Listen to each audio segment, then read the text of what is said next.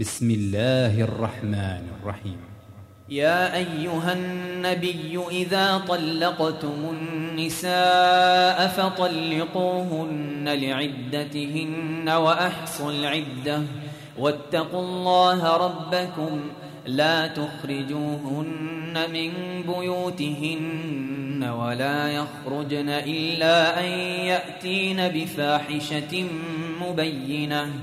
وتلك حدود الله ومن يتعد حدود الله فقد ظلم نفسه.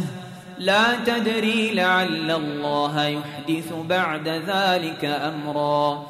فإذا بلغن أجلهن فأمسكوهن بمعروف أو فارقوهن بمعروف. وأشهدوا ذوي عدل منكم وأقيموا الشهادة لله. ذلكم يوعظ به من كان يؤمن بالله واليوم الآخر.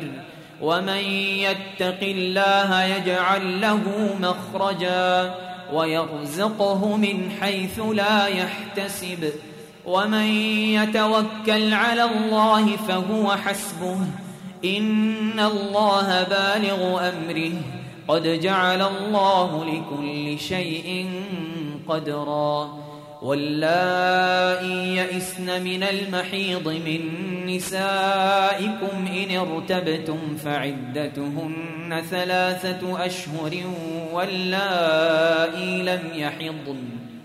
وأولاة الأحمال أجلهن أن يضعن حملهن ومن يتق الله يجعل له من امره يسرا ذلك أمر الله انزله اليكم ومن يتق الله يكفر عنه سيئاته ويعظم له اجرا اسكنوهن من حيث سكنتم من وجدكم ولا تضاروهن لتضيقوا عليهن وإن كن أولات حمل فأنفقوا عليهن حتى يضعن حملهن فإن أرضعن لكم فآتوهن أجورهن وأتمروا بينكم بمعروف وإن تعاسرتم فسترضع له أخرى لينفق ذو سعة من سعته ومن قدر عليه رزقه فلينفق مما آتاه الله. لا يكلف الله نفسا إلا ما آتاها سيجعل الله بعد عسر يسرا. وكأي من قرية عتت عن أمر ربها ورسله فحاسبناها فحاسبناها حسابا شديدا وعذبناها عذابا نكرا فذاقت وبال أمرها وكان عاقبة أمرها خسرا أعد الله لهم عذابا شديدا فاتقوا الله يا أولي الألباب الذين آمنوا. قد أنزل الله إليكم ذكرا رسولا يتلو عليكم آيات الله مبينات ليخرج الذين آمنوا.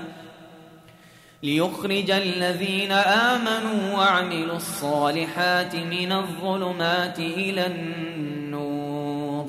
ومن يؤمن بالله ويعمل صالحا يدخله جنات تجري من تحتها الأنهار خالدين فيها أبدا.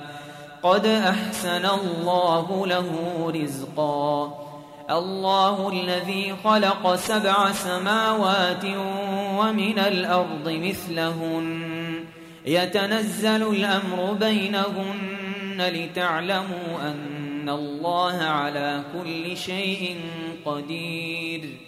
لتعلموا أن الله على كل شيء قدير وأن الله قد أحاط بكل شيء علما.